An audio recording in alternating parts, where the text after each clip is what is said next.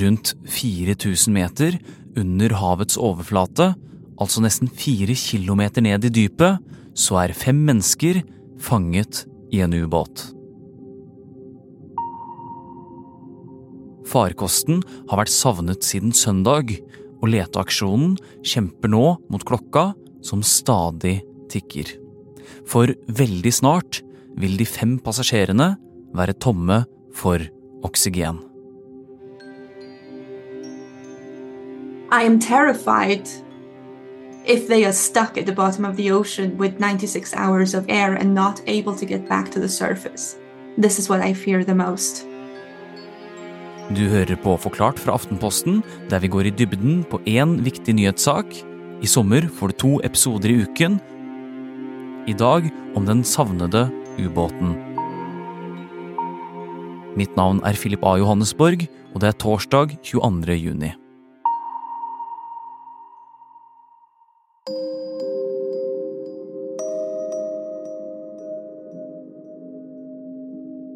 Ja, Det som har skjedd, er at det er en undervannsfarkost som skulle dykke ned til eh, vraket av Titanic eh, for at noen skulle få muligheten til å oppleve det og se det, og nå er den eh, undervannsfarkosten som kalles Titan, borte. Henning Karr Ekroll er journalist og nyhetssjef her i Aftenposten. Han har fulgt denne saken siden ubåten forsvant på søndag. Og i denne farkosten befinner det seg nå fem personer. En fransk eventyrer på 73 år, en britisk milliardær, en pakistansk forretningsmann som har med seg sin sønn på 19 år, og de har også med seg direktøren for ubåtselskapet som arrangerer disse turene. De som har vært med på disse dykkene her, har betalt ca. 250 000 dollar. Det tilsvarer vel mellom 2,6-2,7 millioner kroner per person. Så det er jo åpenbart en uh, veldig kostbar forlystelse det er å ta seg ned til vraket. Det som er gjennomgående, er at dette er svært rike mennesker som ønsker å oppleve det å komme ned til dette veldig historiske stedet, uh, og få et inntrykk av hvordan hvordan det ser ut der. Tirsdag intervjuet nyhetsbyrået AP norske Jannicke Mikkelsen. Hun er venn med den britiske forretningsmannen Hamish Harding, som er om bord på ubåten. All of a sudden, he just texted me and said, I'm going to the Titanic. I'm used to Hamish doing uh, elaborate expeditions. I mean, suddenly he's in space, suddenly he's at the South Pole, suddenly he's at the Mariana Trench.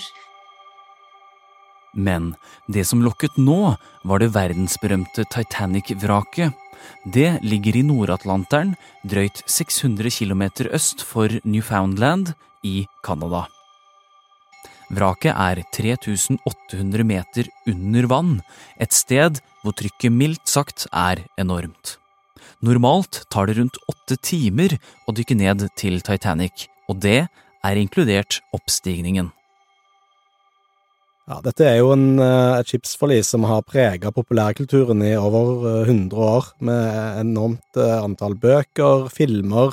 Vår generasjon husker jo godt Titanic, som kom i 1997. Regissøren bak Titanic, James Cameron, har jo sjøl dykka ned til Titanic over 30 ganger, og har jo sagt at det i seg sjøl var hele motivasjonen for å, for å lage filmen. Det har jo blitt lagt et enormt antall dokumentarer, og der er jo denne kombinasjonen av dette enormt luksuriøse fartøyet som var på sin første tur, full av rike mennesker som uh, traff isfjellet og sank uh, mens uh, orkesteret spilte om bord og folk drakk dyre drinker, har jo en, en, nesten enorm tiltrekningskraft for folk over hele verden. Men er det noe igjen av dette vraket, da? Absolutt. vraket er i hovedsak delt i to. altså den forreste delen av vraket og den bakerste delen av vraket Eh, ligger ca. 600 meter fra hverandre på havbunnen, og i området mellom der så ligger det masse ting som falt ut av skipet eh, da det sank. Møbler, champagneflasker, eh, senger, badekar. Så det er jo en åpenbar, veldig sterk visuell opplevelse da, å komme ned der det er helt mørkt, og så trer da denne baugen på Titanic ut av, fra lyset på ubåten. Dette som man kjenner igjen fra, fra filmen Titanic det er jo åpenbart en majestetisk opplevelse for de som har muligheten til å oppleve det. Skulle denne ubåten og folkene i den gjøre noe på ferden? Ja, det, det, er jo i hovedsak det å, å, se og oppleve dette stedet som er eh, attraksjonen, og det man betaler for, altså det å komme tett på en så historisk hendelse, eh, og få et eget inntrykk av hvordan det ser ut. Det har jo vært mange vitenskapelige dykk der man har på en måte hatt helt konkrete oppdrag, ting man skal finne ut, ting som skal kartlegges, men dette er jo hovedsak eh, egentlig dykk for at man skal kunne ta med seg folk ned som ønsker å betale for opplevelsen. Disse menneskene opplever nå kanskje sitt livs mareritt. Eh, vet vi noe om hvordan de har det? Ja, det vi i alle fall vet, er at uh, det er trangt om bord der. Dette er jo snakk om en undervannsfarkost på størrelse med en liten minibuss, 6,7 meter lang. Uh, det er ikke noe seter til passasjerene, man sitter rett på gulvet, og det eneste stedet der er litt privatliv, er et lite avlukke der man kan gå på et uh, lite toalett. Så utover det så er det veldig, veldig lite uh, plass, og det er òg lite oksygen. de ulike kalkylene indikerer vel at når som helst, egentlig, i løpet av dagen i dag, så kan de gå tomme for det de har av oksygen. Men tirsdag fanget et fly opp noe som kan være et livstegn nemlig noen bankelyder fra under havoverflaten. Lever de fortsatt, og er det i det hele tatt mulig å redde dem?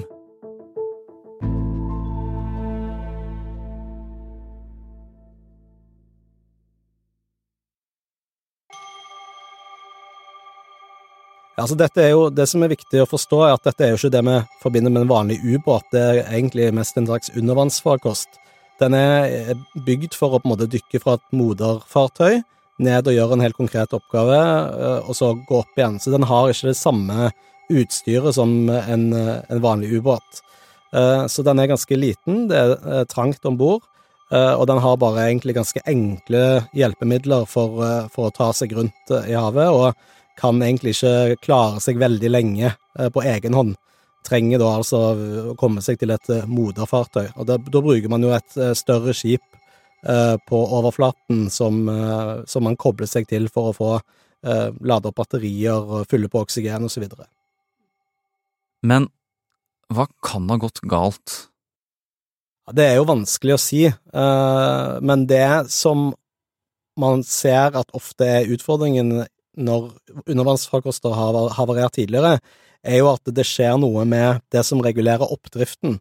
En undervannsfarkost synker jo nedover fordi at man regulerer vekten.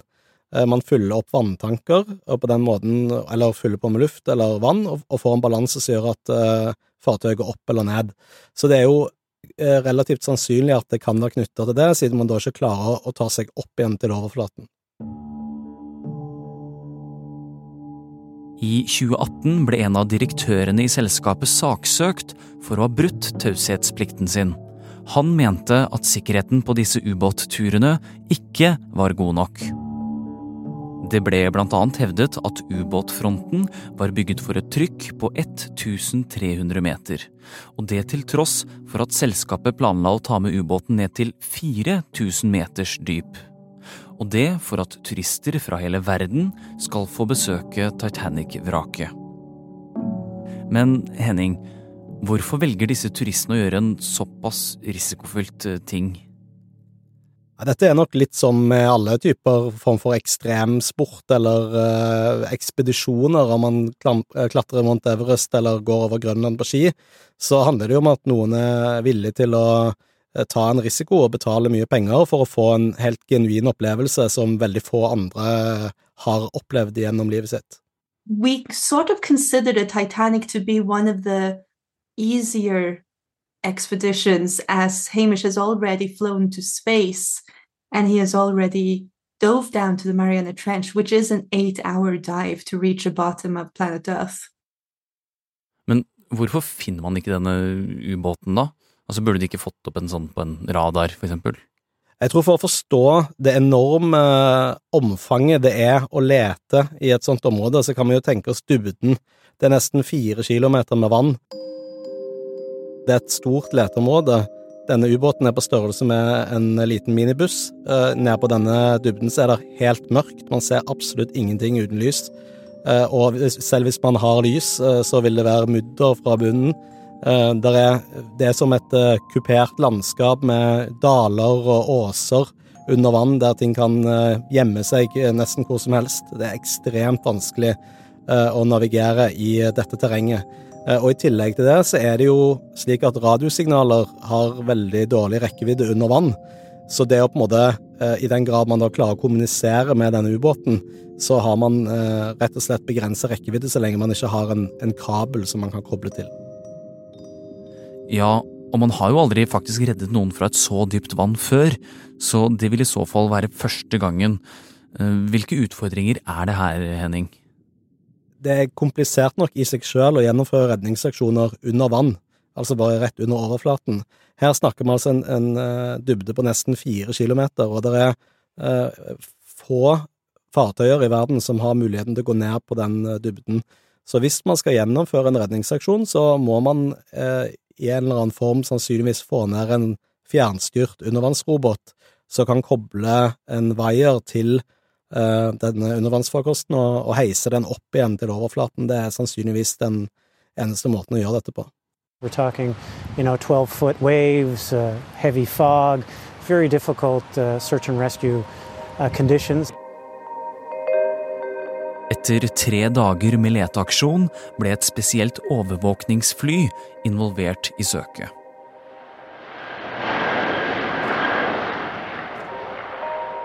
Flyet hadde utstyr for å søke etter ting under vann, og tirsdag fanget det opp bankelyder med utstyret sitt. Men detaljene rundt uh, hva dette innebærer, er fremdeles uh, litt uklare. Og man må jo fremdeles da finne ut hvor henne eh, disse lydene kommer fra, i et stort, stort leteområde. Så det er en svært krevende oppgave letemannskapene har i dette arbeidet. Det er vanskelig å vite om passasjerene i det hele tatt lever flere dager etter at de forsvant. Og det kan også være at disse lydene ikke engang kommer fra denne ubåten. Men Henning, hvis de skulle overlevd i dagevis i denne lille undervannsminibussen, er det noen sjanse for at det går an å redde dem ut? Det eh, er jo eh, en situasjon der eh, man jobber veldig mot klokken. De er jo avhengig av oksygen for å overleve. Oksygenet forsvinner fort. Så det er ingen tvil om at hvis man skal redde disse menneskene ut i live, så har man dårlig tid. Eh, klarer man å finne den undervannsfarkosten og får kobla til en vaier og kan heise den opp til overflaten, så har man jo selvfølgelig en, en mulighet. Men, men, det er jo det å finne selve farkosten som er utfordringen. og ikke minst når man først har funnet den, så skal man gjennomføre en operasjon for å få den til overflaten. og det dette tar tid.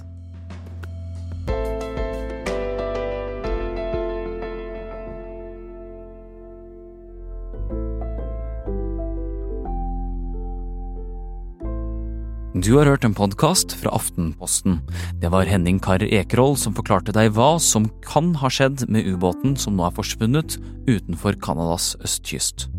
Denne episoden er laget av Jenny Føland, Kjetil Bjørgan, Olav Eggesvik og meg, Philip A. Johannesborg.